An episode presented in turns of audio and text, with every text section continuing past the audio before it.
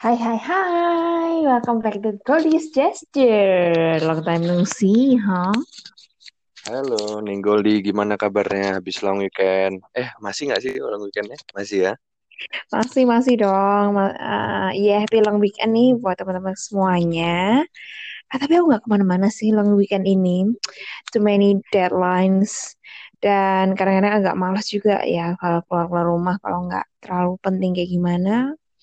Ya nggak keluar gitu loh. Kalau how about you? Mm-mm. Em, ya, aku juga nggak eh, ke mana-mana ya. Dalam arti nggak jauh-jauh. Jadi memang kemarin sempat keluar rumah, tapi tetap eh, di dalam kota. Dan kebetulan sempat mampir ke kawasan pecinan di kotaku di Bogor. Ya ini Jalan Sore Kencana, kayak gitu. Ngapain tuh di sana?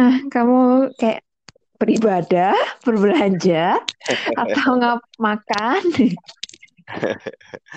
Eh, kemarin sih lebih banyak yang ketiga ya. Kebetulan lebih banyak makannya karena eh, kebetulan ada eh, beberapa teman lah yang datang ke Bogor dan aku sebagai eh, tuan rumah ya, katakanlah eh, mencoba untuk mengenalkan mereka nih pada kuliner khas di Kota Bogor, termasuk juga tempat yang bersejarah gitu. Karena dulu di Jalan Surya Kencana ini pusat kegiatan masyarakat Bogor eh, pada masa dahulu gitu ya. Itu eh, dipusatkan di sana dan sampai hari ini juga banyak banget em, gedung-gedung maupun jejak-jejak sejarah lainnya yang bisa kita lihat ketika berkunjung ke eh, area Surya Kencana itu. Salah satunya ada Vihara Danagun yang merupakan eh, wihara tertua di Kota Bogor dan juga ada kayak hmm, toko-toko gitu ya, banyak gedung-gedung toko sampai dengan rumah-rumah yang dulu ditinggali oleh eh, banyak keluarga eh, Tionghoa khususnya di situ. Dan kalau nggak salah yang dinamakan ini juga ya eh, Rumah Abu. Nah, eh, mungkin kalau eh, detailsnya mungkin Ninggoldi yang lebih tahu ya. Nggak juga sih. Iya, Iya, iya, iya. hmm, Aku Gimana? ini sih, aku aku mau mau mau mancing gitu ya mungkin untuk obrolan kita hari ini tuh Ning. Eh, kemarin waktu aku di gerbang eh, Surya Kencana itu yang bertuliskan Lawang Surya Kencana, itu aku melihat eh, aku jadi teringat gitu sama salah satu ya gerbang juga gitu di Surabaya yang bertuliskan Kia Kia. Nah, mungkin boleh Yes. sharing-sharing tuh tentang itu sekarang. Iya ya, em, betul juga sih kalau di sana kan pakai bahasa Indonesia gitu. Kalau di sini kok kia-kia, apa sih artinya kia-kia? Nggak banyak loh orang yang tahu, nggak banyak em, warga Surabaya yang tahu ya, karena memang itu bukan bahasa Indonesia.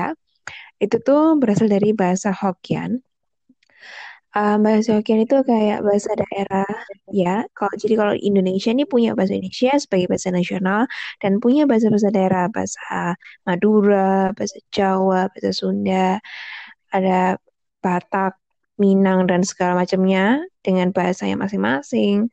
Nah, kalau di Tiongkok itu juga gitu. Dan ini adalah Hokkien dan suku eh, Hokkien ini memang banyak juga di Indonesia.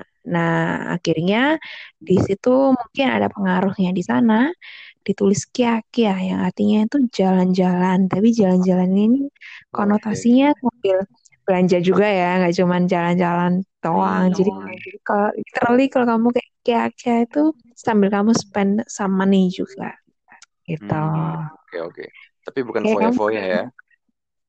Em, kalau berlebihan baru namanya foya-foya. Oke oke.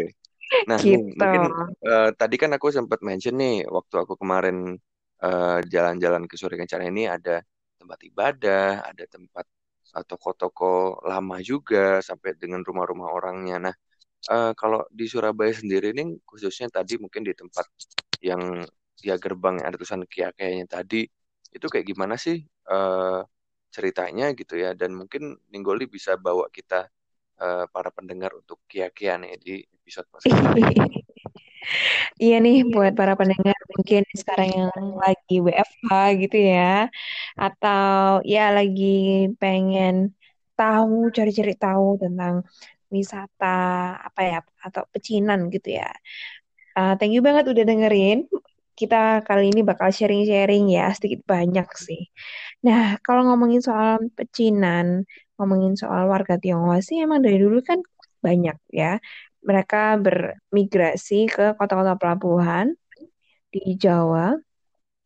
Ada di Jakarta, dari Semarang, Tuban, Gresik, Surabaya yang berlokasi di utara, pantai utara.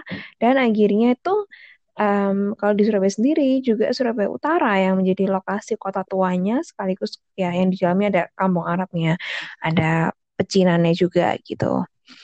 Um, wow, karena mereka bermukim di daerah itu, pastinya nanti akan ada tempat ibadahnya juga. Salah satu kebutuhan manusia ya untuk bersyukur, beribadah kepada Tuhan. Dan akhirnya di sana muncul kulinernya, ya kan? Mereka um, dengan membawa resep-resep dari sana, mungkin sedikit banyak juga dicampurkan dengan um, taste lokal, akhirnya buka tuh ada depot-depotnya. Begitu juga, karena kalau misalnya mereka um, warga Tionghoa ini ke Indonesia, itu ada banyak dari mereka yang juga um, bekerja sebagai pedagang, apa pun pedagangnya itu. Akhirnya mungkin muncul nih wisata belanja, mulai dari belanja A sampai Z itu sebenarnya banyak sekali gitu. Nah, kalau misalnya ngomongin tentang daerah Surabaya itu sendiri, di Surabaya Utara itu ada satu daerah ya yang mungkin memang dia bertetangga dengan kampung Arab. Tapi memang itu tuh bukan karena oh aku nggak mau bergaul Hmm, dengan hmm, hmm. bukan itu itu bukan gitu karena memang dulu pemerintah Belanda Oke. mempunyai program atau punya kebijakan namanya Hmm. weekend Wah, apaan Nah, tuh artinya?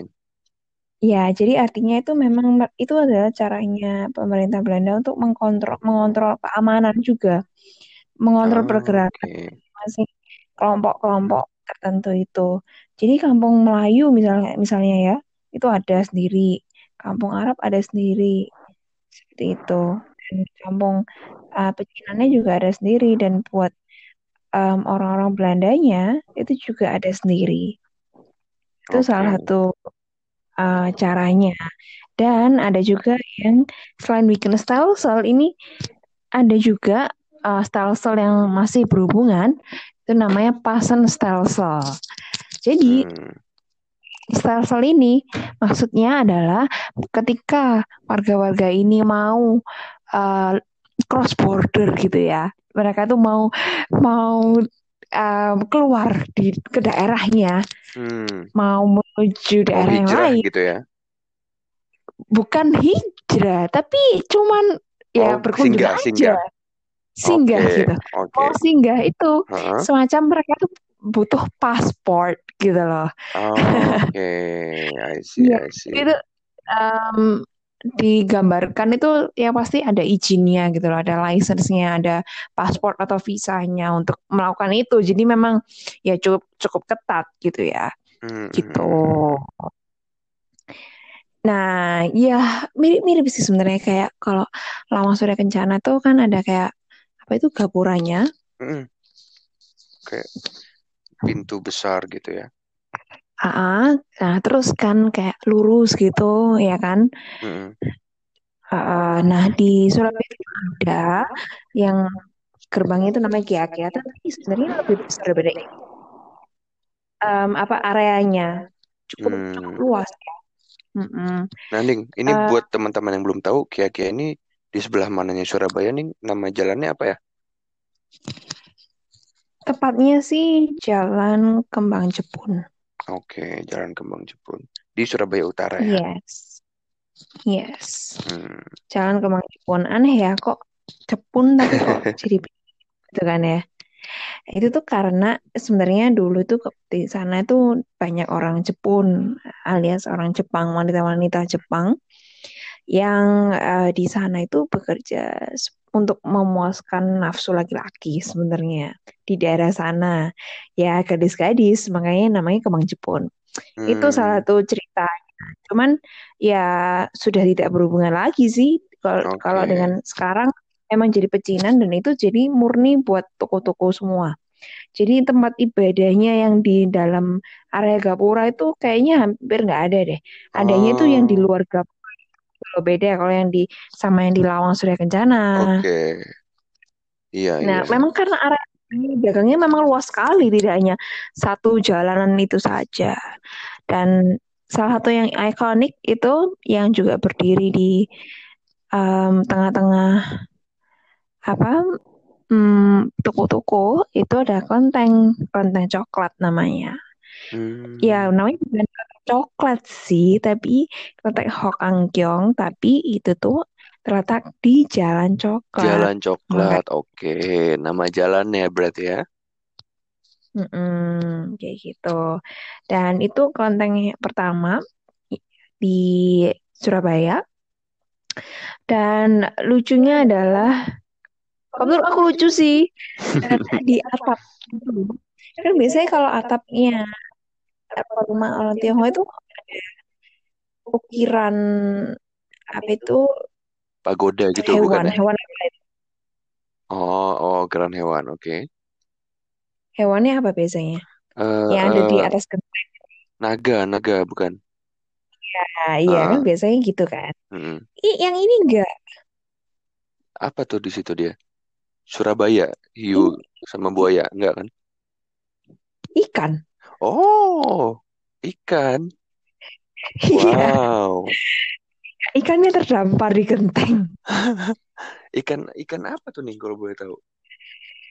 Gak tahu ya warnanya ya biru itu sih. Pokoknya melambangkan kan dari Oke, dari jauh kelihatan kalau itu ikan gitu loh. I see, I see. Jadi itu memang salah satu em, ciri khas tersendiri kah? Karena memang terletak di di Surabaya gitu ya, dengan profilnya sebagai tadi kota eh, pelabuhan dan mungkin daerahnya juga di Surabaya Utara dekat-dekat laut gitu. Bukan, bukan itu. Oh, bukan. Gimana tuh? Bukan, Gimana bukan. tuh? Eh, yang pertama bukan, tapi yang kedua ya hampir menuju ke sana. Hmm. Jadi nggak ada hubungannya sama Surabaya yang ada legenda hiu dan buaya, bukan. Tapi benar bahwa karena dulu pertama kali eh, imigran itu pasti datangnya kan nggak lewat bandara gitu kan. Iya dong. Kan datangnya kan lewat pelabuhan ya kan. Nah, Betul, betul. pelabuhan itu em, di laut dan di sana di dalam kelenteng Hoanggeng itu em, ada patung dewa yang cukup besar. Em, orang bilangnya itu sebagai tuan rumah gitu ya. Itu tuan rumahnya adalah dewa laut atau dewa macu atau dewa macopo ada yang bilang macopo juga karena ya ini dianggap pelindung para orang yang sudah berlayar Hmm, I see. kan kayak gitu. Nah, kelenteng ini di tiap kelenteng itu bisa patung dewanya bisa berbeda-beda gitu karena kan Hmm. memang dewa di Konghucu Hmm. dan ada utamanya di tiap kelenteng itu beda-beda. Kebetulan di sini mungkin dewa Laut itu gitu. Oke, Ya oke. udah. Berarti sampai sekarang pun masih bisa kita kunjungi ya, Ning ya, kalau ada eh, ciri khas tadi ukiran di atap kelentengnya itu berbentuk ikan. Iya, Oke, oke, oke. kapan-kapan ke sana aja. Bukannya kamu udah pernah ke sana ya? Eh, mungkin lewat ya waktu itu ya, belum sempat eh, Oh, ngeliat-ngeliat eh, detailnya. Cuma kalau berkunjung eh, teman-teman pendengar nih, itu bisa langsung eh, datang aja kah atau atau kayak gimana tuh? setahu aku bisa langsung sih. Cuman kalau masa pandemi ini aku nggak tahu Oh ada iya sih. perkecualian perkecualian apa. Cuman bisa langsung kok, bisa langsung. Mau ngapain aja di sana bisa. Hmm, hmm, hmm. Oke deh. Oh, Berarti ini tadi eh, masih berada di kawasan eh, atau dekat sama yang Kia-Kia tadi ya? Enggak, agak agak jauh dikit. Oke, oke. Jadi, Jadi agak lebih ke utara ya, lebih oh, deket ke oke. lautnya gitu. Hmm, Kalau yang hmm, hmm, hmm. Kia-Kianya itu sebenarnya udah ke selatan gitu. Oke, oke. Nah, nih, misalkan nih teman-teman pendengar di sini eh, lagi jalan-jalan ya, lagi Kia-Kia itu tadi tuh ke daerah eh, mungkin dari si Jalan Kembang Jepunnya atau eh, Jalan Coklatnya itu tadi. Nah, eh, bisa ngunjungin apa lagi sih di eh, daerah sana yang temanya itu masih eh, terkait dengan eh, kebudayaan Tionghoa tadi. Sebenarnya banyak banget, tapi mungkin kalau yang aku saranin ya, yang satu ikonik em, bukan yang tertua-tertua lagi gitu, tapi Mm-mm. ini adalah satu-satunya kelenteng Konghucu di Asia Tenggara. Oh, wow. Kelenteng Konghucu di Asia Tenggara. Mungkin para pendengar bingung ya, maksudnya kayak gimana? Kon tadi ada kelenteng uh, Hokanggyong. Nah, tapi ini yang mau aku sebutin adalah kelenteng Bonbyo dan itu adalah kelenteng Konghucu yang terbesar, satu-satunya di Asia Tenggara. Loh, maksudnya kayak gimana? Um, ini mungkin kaitannya erat sekali Mm. dengan sejarah di mana dulu Konghucu sebenarnya belum diakui, sehingga sebenarnya tempat ibadah yang memang um, berbentuk kelenteng, berbentuk um, rumah Tionghoa yang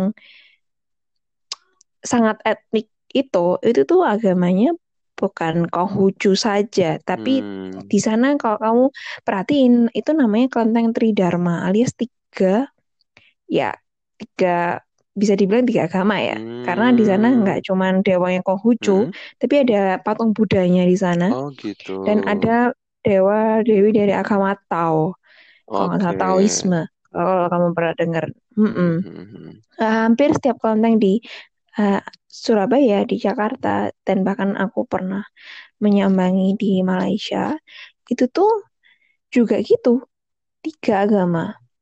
Tapi berbeda dengan kelenteng Bonbyo yang ada di Kapasan ini, itu dia ada kelenteng Konghucu murni. Hmm. Bahkan kamu ke sana, kamu tidak menjumpai satu pun patung. Oke, oke, oke. Jadi memang masih sangat Gitu. eh ciri apa maksudnya ya. Jadi kekhasannya masih eh, terjaga gitu, bisa dibilang gitu. Iya, bisa jadi gitu. Dan um, aku kan nggak tahu ya kalau kalau um, ternyata Surabaya itu punya sejarah yang begitu menakjubkan gitu. Dan ketika aku ke sana, aku tuh baru tahu kalau setiap hari Minggu Hmm. sekitar jam 9 pagi itu mereka ya ada semacam kebaktian gitu kayak orang ke Hmm. gereja kan selama ini kan uh, aku sendiri nggak tahu ya emang orang uh, Buddha itu tuh maksudnya jadwal ibadah rutinnya itu loh itu tuh setiap hari apa gitu kan nggak pernah tahu ya. Mungkin kalau hari besar oke kalau hari besar pasti gitu. Tapi ternyata ya ini ternyata di kelenteng Konghucu ini jam 9 pagi hari Minggu wow gitu. Hmm. dan itu kayak dan itu hmm, kursi-kursinya ya kayak orang di gereja gitu Em, kayak ya menghadap ke altar gitu ya. Hmm. jadi ya kayak orang di ruang kelas gitu loh. Terus eh, ada bandnya juga gitu kayak kamu di gereja gitu. Ada pengiring musiknya juga. Itu you have to see it karena ya unlike other temples you will never um, see it gitu. Dan di sana juga ya sebagai satu-satunya kelenteng Konghucu di Indonesia apalagi di sana tentunya ada foto presiden kita yang sungguh berjasa meresmikan Konghucu sebagai salah satu agama di Indonesia. Siapakah dia? Eh, tentu tak lain dan tak bukan Presiden RI keempat ya, yakni Kiai Haji Abdurrahman Wahid atau yang lebih populer dengan uh, nama Gus Dur. Betul banget. Jadi di sana nggak ada patung, yang ada itu fotonya Gus Dur di samping kiri kiri sih. Oke. Ya tapi ya kayak ya ikonik juga ya gitu. Nah, by the way nih, karena tadi ini uh, satu-satunya di Asia Tenggara gitu ya, apakah uh, pengunjung yang datang juga banyakkah dari luar Indonesia? Nah, kalau itu aku kurang tahu ya. Tapi eh, kalau misalnya tiap apa namanya Imlek itu Hmm. cukup rame dia karena dia itu bersebelahan sama kampung Kapasan Dalam Nah, apalagi nih? atau yang bisa disebut dengan ya itu sebenarnya kampung pecinan Hmm. tapi dia itu terkenal sama yang namanya buaya kapasan karena di sana dulu eh, para pemukimnya itu jago kungfu Hmm. dan membantu untuk berperang melawan penjajah gitu. Jadi akhirnya em, kampung yang guyup rukun itu kalau em, ada acara-acara besar kan memang sangat semarak ya. Hmm. Akhirnya kalau ada em, Imlek kan itu rame barongsai jalan-jalan di kampung gitu.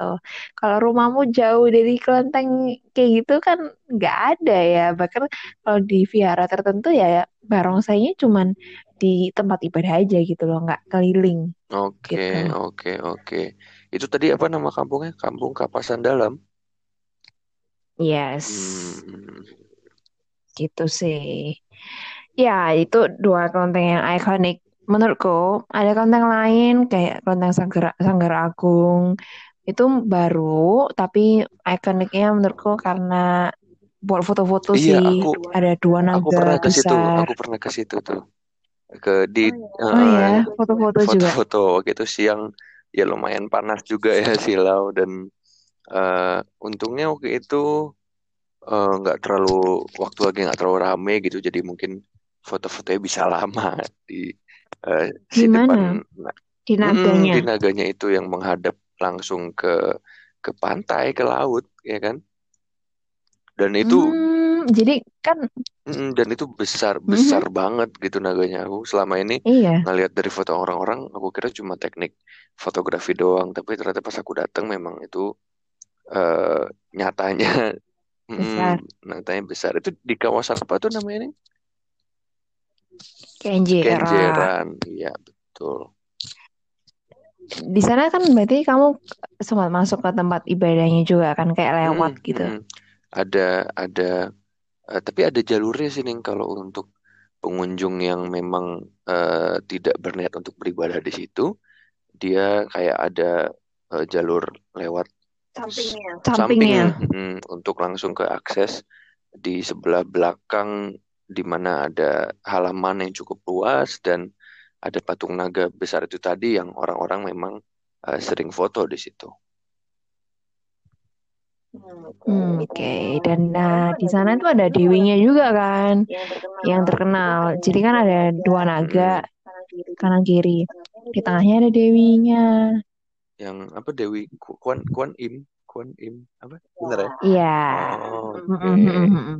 itu itu apalagi tuh nih kisahnya tuh kalau yang tadi yang eh, kelenteng yang pertama kan ada kayak eh, dewa laut ya yang tadi eh, ukiran ukiran eh, atapnya bentuk ikan. Nah kalau yang Hmm. Dewi Kuan Im, Kalau ini kan kelenteng baru hmm, sih. Em, kalau Dewi Kwan ini setahuku Goddess of Mercy. hmm, gitu. Pemaaf, pemaaf. Oke. Pengampun, pengampun. Gitu. Ya, nice, nice, nice. Oke, kalau tadi udah ngomongin kelenteng, ada juga Masjid Cengho. Hmm, oke. Jadi ini adalah tempat ibadah eh, lainnya yang kali ini adalah eh, masjid gitu nih ya.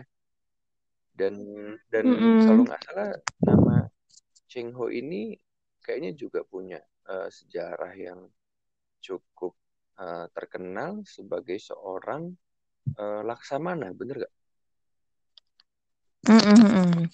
Em, kalau Masjid Cenghonya itu sendiri, itu sebenarnya kalau di Surabaya sendiri, itu bukan yang tua-tua banget.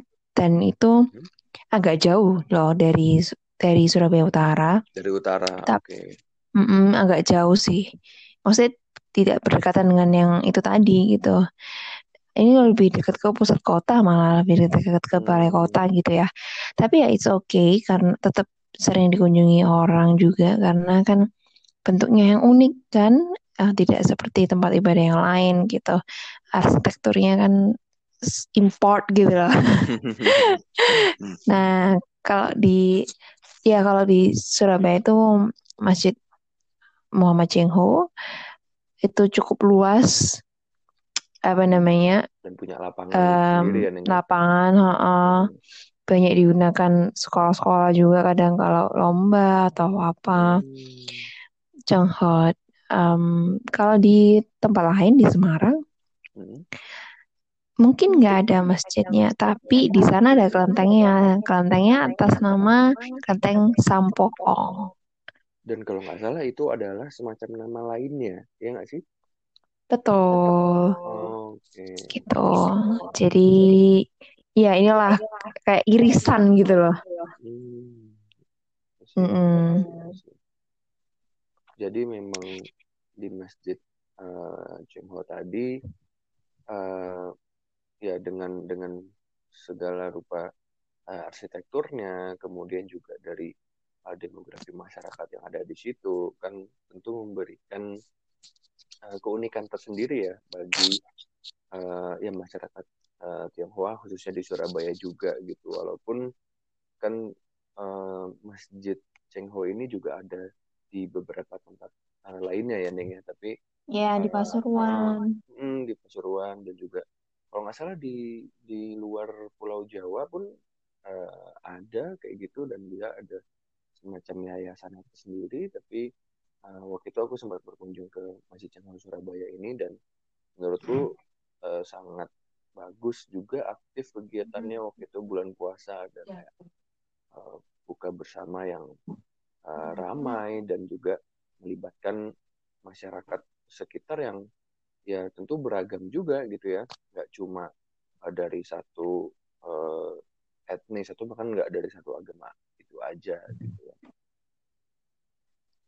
iya iya betul betul betul Hah, kita ngomongin tempat ibadah juga banyak juga ya padahal sebenarnya masih banyak loh yang harus diomongin Eh, kalau kita loncat sedikit mungkin ke hal-hal yang berbau tentang spending money, kia-kia lagi, tapi yang kia-kia Hmm. sungguhan, sekaligus makan-makan. Mungkin kamu kenal sama Cakwe Pendeleh?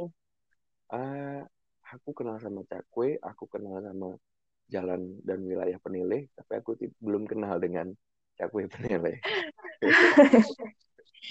Iya, iya, tapi Cakwe mungkin originalnya dari Jalan Pendeleh ya, tapi yang Hmm. terkenal tuh sekarang di Pasar Atom standnya. Itu Oh, ada. se- sebenarnya kayak cakwe sih, cakwe Hmm. cakwe cakwe pada umumnya, tapi memang dia udah lama berdiri gitu perusahaannya turun temurun juga akhirnya, akhirnya jadi ikonik. Kalau aku sendiri sih Hmm. cakunya biasa ya, tapi kalau aku sukanya roti gorengnya karena roti gorengnya tuh kayak super besar gitu, jadi super kenyang gitu. Itu ada di Pasar Atom.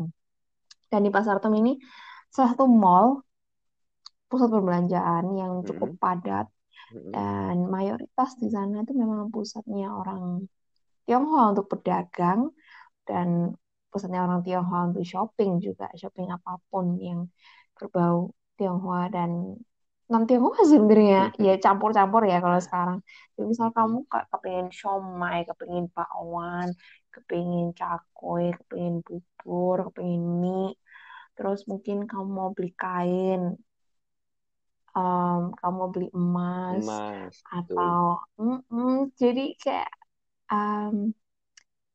be- apa pun sebenarnya itu super lengkap di sana Jadi, Oh, tapi jadi hmm, eh, i- karena itukah dinamakan eh, atom gitu karena mungkin dari elemen terkecil sebuah sebuah unsur gitu ada dijual di sana lengkap atau dari mana nih sebenarnya nama atom? Atau mungkin beberapa versi juga apa penyebutannya tuh atom gitu ya. Itu gimana sih sebenarnya ceritanya Em, yang aku tahu ya, ini memang ada beberapa versi, cuman yang aku tahu di sana itu dulu itu jualan Kacang atom, plastik. bukan? Oh, oke. Dia adalah Terus, Heeh, plastik nah enggak kan tuh? kalau meledos, kalau mele- eh, itu kalau salah nama lainnya deh, itu namanya Mhm. atom. Si, si, si. Ini plastik apa nih? Nggak tahu. Oh, maksudnya tuh plastiknya eh, kayak eh, pecah gitu tak atau kayak hancur gitu Iya kan? kayaknya. Oh, dia mengeluarkan bunyi atom yang disebut dengan eh, fenomena atom ini atau atau mungkin bunyi bunyi bom atom enggak juga kayaknya. ya? Enggak, ya, ya pokoknya dari plastik itu, setahu aku nama Oke. nama lainnya itu atom gitu. Jadi ya kalau sekarang kalau kamu mau ke sana itu sebenarnya itu sih heterogen sih.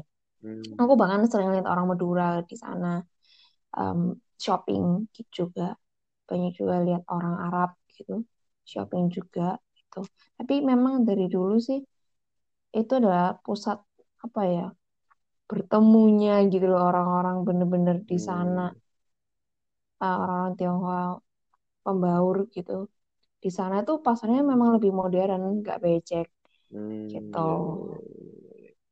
Betul, Dan betul. bahkan di sana saking, saking ikoniknya, kalau di Jakarta mungkin kayak glodok gitu ya. Tapi kalau di Surabaya ini pasar atom, dan di sini tuh jadinya ada istilahnya ba- bahasa pasar atom gitu loh. Wah, Karena di gimana hanya di sini, hanya di hanya di sini kita tuh pakai pakai bahasa-bahasa Mandarin yang secara luas gitu loh, Hmm. secara banyak gitu. Jadi misal C cari apa C gitu, Mei cari apa, Ko mampir ko gitu misalnya. Jadi padahal kan kalau kamu di TP misalnya gitu Hmm. dengar eh enggak itu enggak familiar gitu loh gitu. Terus ayo terus nah akhirnya tuh berkembang berkembang bahasa-bahasa pasar atom. Ayo C lihat-lihat itu dari Oh, lihat-lihat jadi lihat. Oh, keren, Eh keren, ayo pergi pasar atom. Pergi itu pergi Hmm, iya, iya, iya, iya. iya. gitu. Ada juga itu kan eh, perubahan bahasa Indonesia. Ada juga perubahan-perubahan bahasa bahasa Jawa. Jadi eh, orang Tionghoa itu menyerap bahasa Jawa gitu ya. Kayak waktu itu sempat ada postingan yang viral di Twitter, kok bahasa Jawa jadi aneh gini gitu. Itu emang bener sih. Karena misal dari bahasa Jawa atau bahasa Jawa ngoko gitu ya, Mm-mm. eh, bagaimana itu kan ya opo, ya opo gitu. Tapi kalau misalnya eh, orang Tionghoanya itu bilangnya bukan ya opo, jadi ya apa, ya apa, gitu. ya apa sih kamu itu kayak Oh, oh gitu. iya, iya, iya. Jadi iya. misalnya iso, iso gak iso eh, itu kan bisa nggak bisa ya. Itu orang Tionghoa jadi bilang bisa, bukan iso, bisa. Hmm, Iya aku gak bisa kayak iya, gitu. iya, iya. Biasanya sih kalau kalau di nama-nama orang itu yang eh, kon huruf vokalnya A itu dia dari Jawa Barat, Sunda, dan ketika dia sudah bergeser eh, mengikuti style Jawa Tengah atau Jawa Timur, maka belakangnya O, ya kan? Misalkan seperti Heeh. eh, katakanlah Joko. ya ya Jaka dan Joko. Nah mungkin eh, ya aku kira juga tadinya tuh eh, ya apa atau ya opo tadi itu eh, bukan maksudku apa ya kayak hmm, aku kira memang dia ada dari sananya sudah eh, ada pilihan itu. Namun ternyata uniknya di sini memang ada proses eh, ya kebudayaan itu sendiri ya yang akhirnya membentuk eh, Mm-mm. suatu eh, istilahnya ya gaya bahasa barulah yang digunakan secara luas juga oleh masyarakat di hari-hari ini. Mm-mm. Dan ya bahasa pasar apem tuh emang lucu sih karena kita tuh kayak gabung-gabungin dengan bahasa Indonesia, dengan bahasa Jawa, dengan bahasa Mandarin Bahasa bahasa gitu. Madura, Jadi contohnya bahasa gini, Madura ada nggak nih? bahasa Madura nggak tahu ya aku kayaknya sih nggak. Oke. Kan kan sebenarnya Tionghoa soalnya. Contohnya gimana tuh contohnya? Tahu lagi kalau kamu di pecinan yang di Madura mungkin mungkin. Jadi bisa kayak gini, loh aku loh langganan loh teh, mau sih gak isa dipotong belas, potong cemban nomban lagi poong. Gitu kan langganan bahasa Indonesia. C bahasa Mandarin. Apa Isa, nggak Isa. Isa itu kan ya itu yang serap-serapan itu tadi. Ayo potong cemban, nomban. Cembannya sepuluh ribu, nomban dua puluh ribu. Gitu jadi ya wis gitu. Jadi terus itu kalau misalnya uh, ke toko yang mungkin dia masih nerima nawar-nawar gitu, tanya, tanya, masuk tanya ini, mana dosis gitu, atau mana lo pani gitu, mana cici nih, mana kue gitu. Oke, oke, oke, oke. Unik juga sih. Eh, jadi mungkin bagi teman-teman teman-teman pendengar yang ingin merasakan eh, experience-nya ya, kan kadang shopping tidak sekedar eh, apa barang yang dibeli, berapa harganya, tapi juga experience, pengalaman, cerita yang bisa kalian dapat dari eh, kegiatan eh, shopping itu sendiri.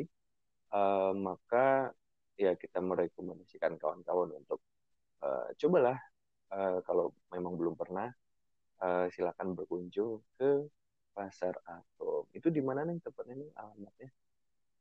Kayak nama jalannya? Di Jalan Jalan Bunguran, Bunguran. Oke, deket-deketnya apa tuh di sana tuh? dekatnya nasi cumi. Oh iya kuliner. Mangan tok ayam rek. Ya wes, deketnya kono boy, Surabaya Utara yo. iya. Mm-mm. Nah, kalau makan-makan udah, shopping-shopping udah. Eh, tapi apa ya yang ya? Mungkin kita mau jalan-jalan di sekitarnya Pasar Atom sana. Kalau misalnya di Pasar Atom itu, itu kan udah shoppingnya udah. Nah, sekarang kita itu mau jalan-jalan agak ke mana ya? Utara. Iya ya, kayaknya Gimana tuh? Itu tuh ada kayak itu tuh di dekatnya Sungai Kalimas. Itu di dekatnya JMP. JMP itu plaza Jembatan ya. Jembatan. Merah Plaza. Iya, plaza, ada plazanya di sana itu jualan kain sih kebanyakan. Itu tuh ada kayak deretannya eh, rumah-rumah, rumah-rumah yang cukup besar, kayak ada yang jadi ruko juga. Dan di sana itu namanya Jalan Karet. Nah, Hmm, itu sering dibuat foto-foto karena emang eh, bangunannya itu ya sangat tua dan ada yang mungkin nggak terawat, kayak ada batu patah batu patahnya gitu. Jadi ba- banyak foto pengantin apa prewedding di sana. Tapi ternyata di sana ada hidden gem, I would say, karena di sana itu ada saksi bisu rumah eh, seorang kapitan Tionghoa pada kali hmm, itu, oke. ya, rumah Abuhan. Jadi di sana ada rumah Abu Margahan, di sebelahnya ada juga rumah keluarga Choa. Rumah keluarga Choa ini cukup terkenal juga karena cukup sugih pada zamannya. Nah, di sana tuh ada tulisannya di rumahnya itu, oh ini rumah keluarga Jawa eh, bersama dengan atau yang nikah dengan eh, Nyi Roro Ginjeng gitu. Jadi keluarga Jawa ini satu contoh asimilasi budaya juga ya karena salah satu keluarganya itu menikahi eh, pribumi.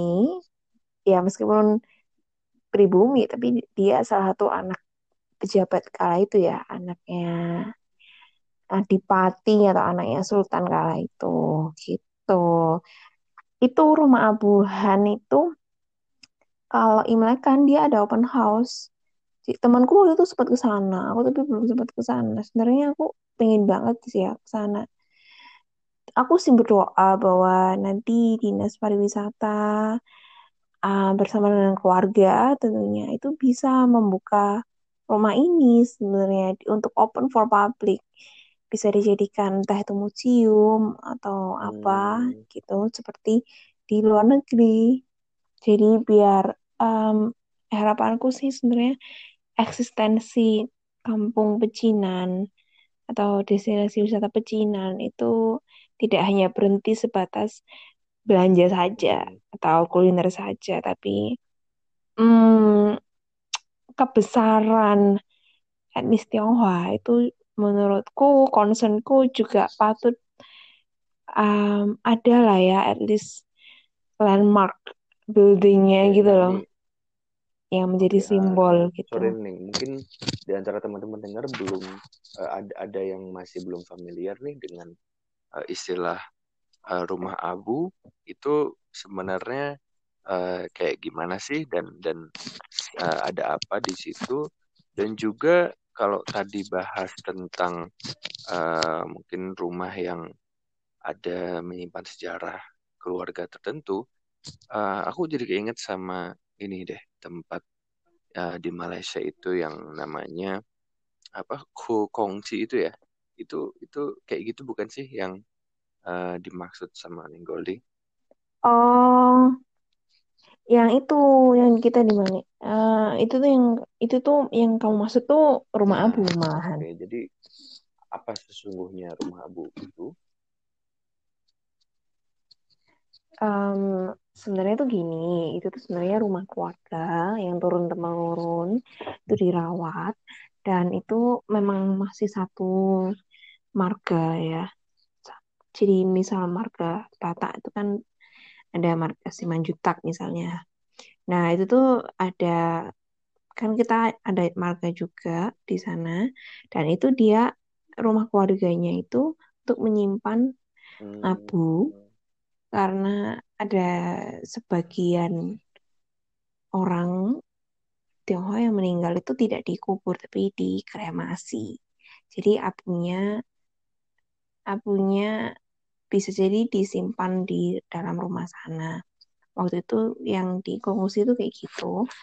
Um, sehingga di sana itu selain menyimpan abu, karena rumah abu yang begitu besar itu sebenarnya kan juga berarti bahwa keluarga tersebut sangat mhm. termasyur gitu loh, punya peran ya kan. Nah, akhirnya di dalamnya itu pasti ada um, foto-fotonya mereka yang sudah Oke. meninggal juga. Lalu mungkin dijelaskan kiprahnya itu apa, semacam semacam sebagai apa. meninggalkan eh, jejak legacy ya dari si keluarga ini. Mm-mm. Seperti museum keluarga gitu ya, gitu. Ada foto-fotonya juga. Dan bahkan kalau yang di Kokongsi itu kan yang baru-baru, yang generasi generasi baru-baru ini kan misal dia itu punya punya degree sampai S2, S3 atau profesor itu kan dia juga mencantumkan gitu riwayatnya dia. Hmm, ya aku ingat waktu itu ada yang kayak, oh dia eh, profesor di di Inggris atau ya banyak lah ya kiprah-kiprah dari si eh, anggota keluarganya ini. Mm-mm. Mm-mm. Mm-mm. Kayak gitu sih sebenarnya. Aku sendiri belum pernah ke rumah abuhan, tapi ya sekilas yang kalau dibandingkan dengan yang di uh, Malaysia, di Penang itu memang kan cukup banyak dan kalau di sini mungkin kita tahunya oh rumah abuhan doang, tapi kalau di Malaysia kan banyak rumah abu yang marga aku, marga ini, Oke, marga ini, marga ini gitu kan. Iya, iya, iya, iya, iya. Jadi tadi harapannya Tuh. memang eh, ke depan ada langkah yang eh, lebih apa ya pendekatan yang lebih eh, kreatif ya juga untuk membuat eh, tempat-tempat ataupun ya eh, destinasi seperti eh, Rumah Abu ini untuk jadi daya pikat tersendiri gitu ya, bukan hanya untuk misalkan tadi oh kalau gedung ini gedung itu foto-foto gitu ya, tapi jauh lebih uh, dalam dari itu untuk mempelajari dan mengambil uh, nilai-nilai kebaikan lah dari uh, legacy dari peninggalan dari kiprah yang ditorehkan oleh uh, keluarga itu. Iya, betul banget. Karena aku sendiri uh, kayak merasa nggak cuma di Surabaya sih, tapi di seluruh Indonesia juga em, eksistensi wisata yang berbudaya Tionghoa ini belum terlalu apa ya, belum terlalu apa ya besar gitu loh. belum terlalu signifikan gitu. Sehingga aku berharap nantinya bisa nih salah satu dari destinasi destinasi wisata ini dijadikan itu kayak satu Nah, rute betul, betul, dalam betul. tour Iya, iya, betul misalnya. banget tuh. Kayak mungkin yang kemarin udah sempat kita bahas juga ya, Neng ya. Oh, ada rute shopping, ada rute kuliner. Nah, bahkan kalau misalkan tadi beberapa eh, apa namanya, berapa yang sempat kita bahas eh, di episode ini kan ternyata di tempat-tempat eh, pecinan tadi juga banyak juga loh untuk tempat shopping dan kulinernya. Tapi kalau misalkan ada nilai tambah kayak eh, sejarah atau budaya yang eh, khas dari eh, masyarakat Tionghoa itu sendiri, nah itu jadi salah satu nilai edukasi yang menurutku eh, bagus dan eh, bisa menarik eh, wisatawan ataupun eh, pengunjung baik itu dari eh, tempat yang jauh maupun ya warga Surabaya atau mungkin warga Jawa Timur terlebih dahulu untuk lebih mengenal eh, sejarah dan juga keunikan dari eh, daerah yang mereka tinggali. Iya. Udah nggak terasa nih, udah lebih dari 45 menit kita Kia-kia gitu ya. I hope, mm-mm, I hope it can enrich people's Yes. mind gitu ya. Siapa tahu nih yang dengerin podcast kita ada beberapa dari stakeholder-stakeholder gitu yang mau dukung juga. I'm so thankful. Um, itu hanya sekelumit kisah ngobrol-ngobrol ringan buat teman-teman yang mungkin siapa tahu nih mau mampir di Surabaya dan mau berkunjung. I encourage you to visit these places and feel the vibe of Chinese culture gitu because it's so beautiful. Maybe you've never experienced it before, so you have to Nah try. nih, BTW kalau eh, Imlek tahun depan kira-kira eh, itu di di bulan apa tuh? Biasanya kayak Februari Maret gitu ya? Enggak dong, Awal kan? Tapi oh Januari Januari Februari Februari ya. dong. Oke, jadi Heeh, nggak mungkin pernah sampai Maret. teman-teman yang em, ya mungkin ya kita sambil sambil berdoa juga gitu ya bahwa keadaan overall di Indonesia semakin baik juga eh, spesifiknya di Jawa Timur di Surabaya. Jadi yang mungkin Mm-mm. Jadi bisa nyelenggarain Imlek. betul betul. Jadi nanti juga di episode-episode berikutnya Hmm.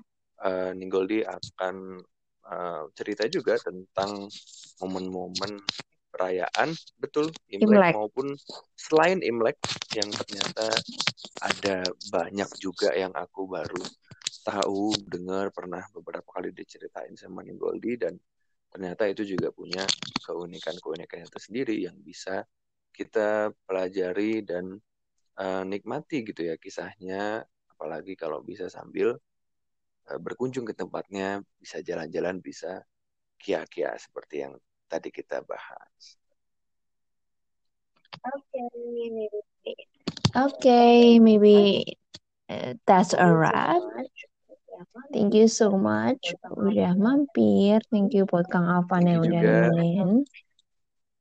I hope you are having a kita good day. eh, besok sudah kembali ke eh, business days lagi setelah long weekend ini. eh, semoga di kesempatan eh, berikutnya teman-teman pendengar juga eh, bisa yang mendengarkan podcast ini. Kalau misalkan masih harus di rumah saja, semoga bisa eh, dengan mendengarkan ini ada eh, terasa jalan-jalannya dan juga nilai-nilai eh, edukasinya sehingga eh, teman-teman harapannya jadi lebih tahu dan ketika nanti sudah bisa lebih leluasa dapat berkunjung langsung ke tempat-tempat yang kita ulas.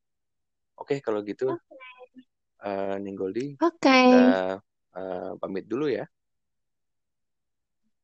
Dan semoga Mm-mm. Dapat bertemu di episode berikutnya. Mungkin ada bocoran atau clue nih untuk next episode? Wis rahasia ya. Nggak ada, nggak boleh. Oke deh kalau kayak gitu Mm. dari aku Kang Afan eh, mengucapkan terima kasih sekali lagi kepada Nimboli dan teman-teman pendengar semuanya. Semoga sehat selalu dan sampai jumpa di episode berikutnya. Zaijian. Thank you, Jai Jen.